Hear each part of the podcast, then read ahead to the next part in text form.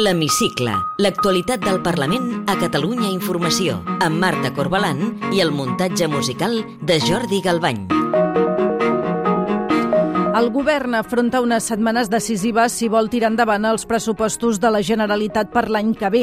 Aquests dies s'han intensificat les reunions amb Junts, el PSC i els Comuns.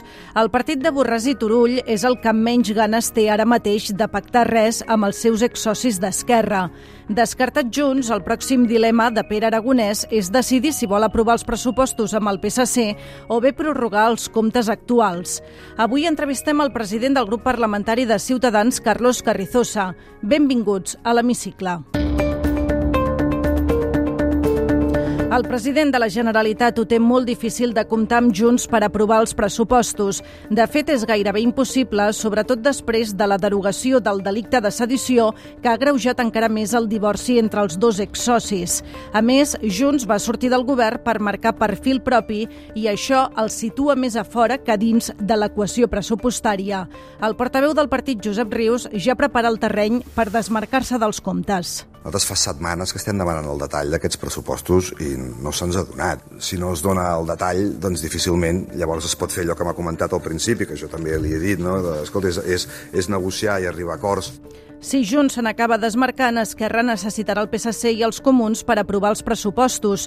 La consellera d'Economia, Natàlia Mas, ha admès que les negociacions estan força avançades amb els comuns. A nivell de la concreció estem més avançats amb, amb el grup dels comuns, però avancem força en paral·lel doncs, amb, tots, amb totes les formacions.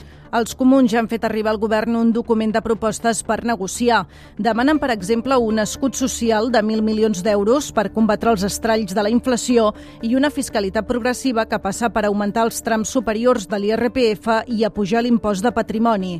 La líder d'en Comú Podem, Jessica Albiach, ha respost a la consellera d'Economia que no doni per assegurat el suport del seu grup. Crec que és important que la minoria de govern no done per fet el suport dels comuns als pressupostos. Per tant, una vegada més, no donarem xecs en blanc. El PSC tampoc no posarà les coses fàcils al govern. Els socialistes estan molt molestos perquè les negociacions avancen molt lentament. La portaveu del PSC, Alicia Romero, ha posat una condició clau per poder avalar-los. No aprovarem els pressupostos si abans d'entrar-lo al Parlament no s'ha tancat una negociació amb el grup parlamentari Socialistes i Units per Avançar. Si no ho fa així, que no ens esperi. L'aprovació dels pressupostos és la principal prova de foc del govern en minoria d'esquerra, però pel camí no para d'ensopegar amb obstacles. Els grups de l'oposició s'han tornat a liar aquesta setmana per impedir que el govern porti als pròxims plens la votació de dos decrets, un per reduir la temporalitat entre els funcionaris i l'altre per augmentar en 376 milions d'euros el pressupost de salut. Es tracta d'un nou toc d'atenció de l'oposició que acusa el govern de tenir la negociació parlamentària i que pot derivar al final en un bloqueig absolut de l'activitat legislativa de l'executiu. El conseller de Salut, Manel Balcells, ha anunciat al Parlament aquesta setmana un increment de 1.000 milions d'euros per al seu departament si finalment es poden aprovar els pròxims pressupostos de la Generalitat. En la seva primera compareixença en comissió, el conseller s'ha compromès a reforçar l'atenció primària i a escurçar les llistes d'espera. Hi ha el compromís d'aquest conseller de que tots aquests procediments que estan en garantia estiguin en el seu temps en l'any que ve, perquè hi han algunes d'aquestes llistes que no es poden suportar.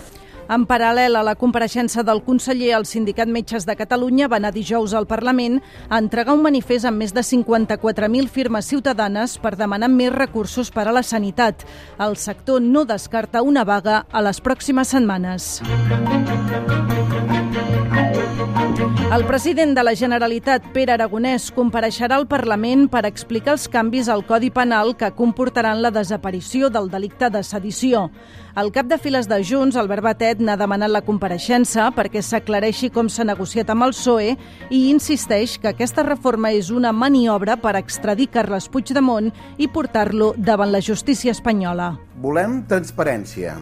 Demanem claredat per saber exactament aquesta negociació quines contrapartides té, a canvi de que s'ha produït aquest acord. La portaveu d'Esquerra, Marta Vilalta, desmenteix que la reforma busqui l'extradició de Puigdemont. Neguem la major de que això pugui ser fet amb l'objectiu de voler extraditar al president Puigdemont o a la resta d'exiliats i exiliades, perquè al contrari, justament tot això està fet per defensar i per guanyar més drets. El delicte de sedició desapareixerà i serà substituït per un altre, el de desordres públics agreujats. El diputat de la CUP, Xavier Pellicer, creu que aquests canvis aplanen la repressió contra el moviment independentista. S'ha d'aturar de forma immediata aquesta reforma. Cal abolir el delicte de sedició, però així no. Per motius diferents, Vox, Ciutadans i el Partit Popular també estan en contra que desaparegui la sedició. Sentim Joan Garriga de Vox i la diputada del PP, Lorena Roldán. Es una pura traición a los votantes socialistas que dieron confianza al PSOE en 2019. Reiteramos que el gobierno de Pedro Sánchez es un gobierno ilegítimo. La derogación de la sedición es un traje a medida del golpismo. Es un ataque frontal y total a la Constitución y a quienes la defendemos aquí en Cataluña y también en toda España. Un cop abolida la sedició, Esquerra posa ara en el punt de mira reformar el delicte de malversació. Té la paraula. Soc Carlos Carrizosa, president del grup parlamentari de Ciutadans al Parlament de Catalunya. El seu partit s'ha oposat rotundament a la derogació del delicte de sedició del Codi Penal. Què farà Ciutadans per intentar frenar que es tramiti i s'aprovi aquesta reforma al Congrés dels Diputats?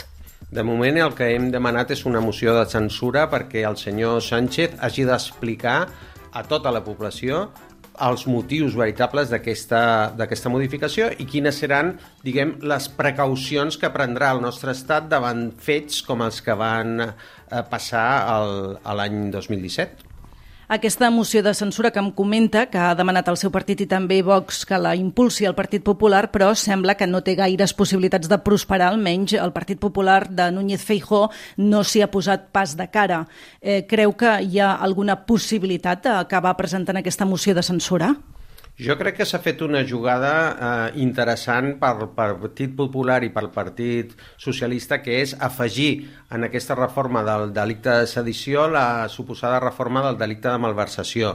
I com que la malversació aprofitarà aquells que van utilitzar diners públics per fer per fer el seu cop a la democràcia, també aprofitarà el tema Gürtel, també aprofitarà el senyor Grinyan, també aprofitarà a aquests dos grans partits que han, han tingut problemes amb la gestió dels fons públics dels que s'han apropiat ells o els seus partits.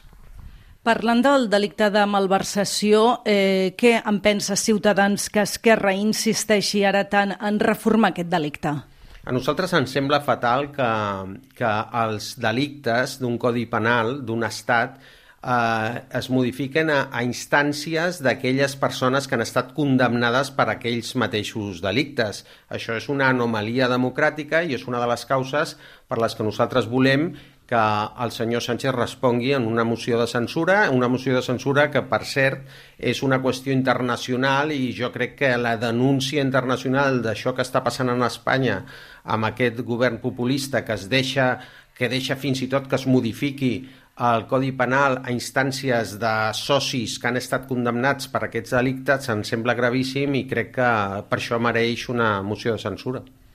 Ciutadans sortirà al carrer a protestar contra la derogació de la sedició. Li pregunto perquè Vox ha convocat una concentració a Barcelona aquest cap de setmana i també una altra a Madrid el dia 27. Nosaltres no tenim previst anar a, a fer protestes al carrer i el que farem precisament aquest dissabte és una convenció municipal per continuar sent la segona força constitucionalista a Catalunya després del Partit Socialista i perquè el 80% dels catalans tinguin a la, al seu poble o ciutat un regidor de Ciutadans. Parlant dels pressupostos, canviant de tema i parlant dels pressupostos de la Generalitat pel 2023, el govern sabem que ha obert converses amb el PSC, Junts i els Comuns per intentar poder aprovar els comptes de l'any que ve. Ciutadans també s'ha ofert per negociar aquests pressupostos. Els han trucat des del govern? Nosaltres eh, el que volem i pensem és que abans nosaltres, quan teníem 36 diputats, en un entorn parlamentari de majoria forta independentista era impossible d'influir i malgrat que nosaltres vam intentar i en temps de pandèmia vam intentar d'influir en les decisions del govern. Ara jo crec que és més possible aquesta incidència amb sis diputats perquè podem donar majories o treure-les. I nosaltres és evident que mai no, no, no recolzarem Esquerra Republicana en les qüestions processistes i contra, i contra l'espanyol a les escoles i totes aquestes costa, coses que ens separen tant, però sí que hem de trobar eh, espais per parlar de millores eh, per a les persones i per la greu situació econòmica que viuen moltes persones a Catalunya i en aquest sentit nosaltres procurarem d'influir no a les qüestions estratègiques, no a les qüestions d'agenda processista, però sí a les qüestions que afectin els ciutadans. Aquesta setmana s'ha tornat a constatar aquí al Parlament la solitud d'Esquerra, que governa, recordem-ho, amb el suport només dels seus 33 diputats. Els grups de l'oposició tots s'han aliat perquè el govern no pogués portar al ple de la setmana que ve la convalidació de dos decrets. Creu que la legislatura pot durar gaire temps més amb aquesta situació? eh, ja veurem si tota la legislatura mantenim aquesta situació. Jo m'atreviria a dir que després de les eleccions municipals podrien haver canvis entre, entre el Partit Socialista i Esquerra Republicana que ara no els hi agrada confessar als seus electors que hi ha un futur pacte, però que podrien veure-ho després de les municipals. Si Pere Aragonès no se sotmet a una qüestió de confiança, com sembla que no farà, Ciutadans es plantejaria impulsar una moció de censura contra el president de la Generalitat. Ho dic perquè ha un precedent el 2019, quan l'aleshores eh, diputada del seu partit, Lorena Roldán, ja va presentar una moció de censura contra l'expresident Quim Torra. Nosaltres ja hem demanat al senyor Illa que faci una moció de censura, eh, però ell no ha volgut, i no ha volgut, suposo, perquè tenen altres plans que no ens han confessat, com no convenia tampoc confessar que havien arribat a un acord sobre la sedició i tal, fins que no els hi va convendre convenir, no, no ho van explicar, doncs eh, jo crec que ara mateix estem en, el, en, el, en la mateixa situació. És evident que ella no vol fer ara una moció de censura perquè li hem demanat i no ha volgut. En clau interna, Ciutadans té previst fer al gener un procés de refundació en què la presidenta del partit, Inés Arrimadas, podria deixar les funcions orgàniques i passar a ser només la candidata a les pròximes eleccions espanyoles. Veu bé aquest model de bicefàlia a l'estil del Partit Nacionalista Basc? Eh, a mi no em semblaria malament i, i, i, i a més a més, eh, de totes les consultes que s'han fet a, amb, els, a, amb els afiliats de Ciutadans, a més de 2.000 persones, aquest model eh, sembla que seria el favorit de, de la majoria